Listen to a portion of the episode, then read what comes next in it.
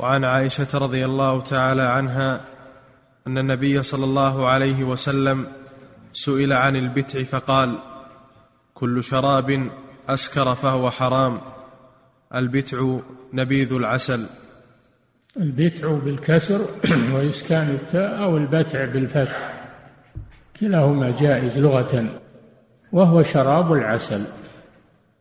المسكر يعني شراب العسل المسكر العسل إذا تخمر يوضع في الماء لتحليته وهو ما يسمى بالنبيذ ويترك حتى يشتد ويزبد عند ذلك يتخمر يصير خمرا. مر في حديث عمر أن أن من جملة ما تصنع منه الخمر العنب وهذا الحديث نص في ذلك.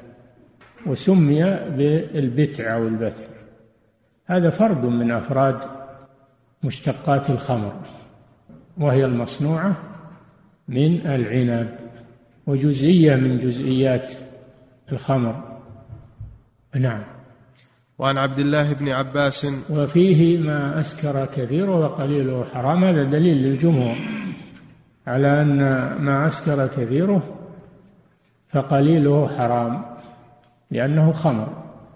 خمر حقيقة. نعم. أحسن الله إليكم. سماحة الوالد يقول السائل من سمح ببيع الخمر وأدخله في بلدته هل يقال أنه استباح هذا؟ لأننا سمعنا من يقول أن هذا استباحة وكفر. لا ما يحكم عليه أنه استباح حتى يقول أنه مباح. أنه انه مباح. إذا صرح أنه مباح فقد استحل. أما مجرد الفعل فلا يدل على الاستباحة.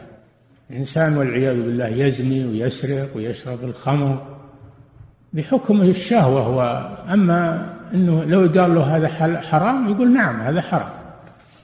ولو قال له أنت ترى هذا مباح قال أعوذ بالله. لا ما أرى أنه مباح. ففي فرق بين الفعل وبين الاستحلال باللفظ أن يصرح ويقول هذا حلال. نعم.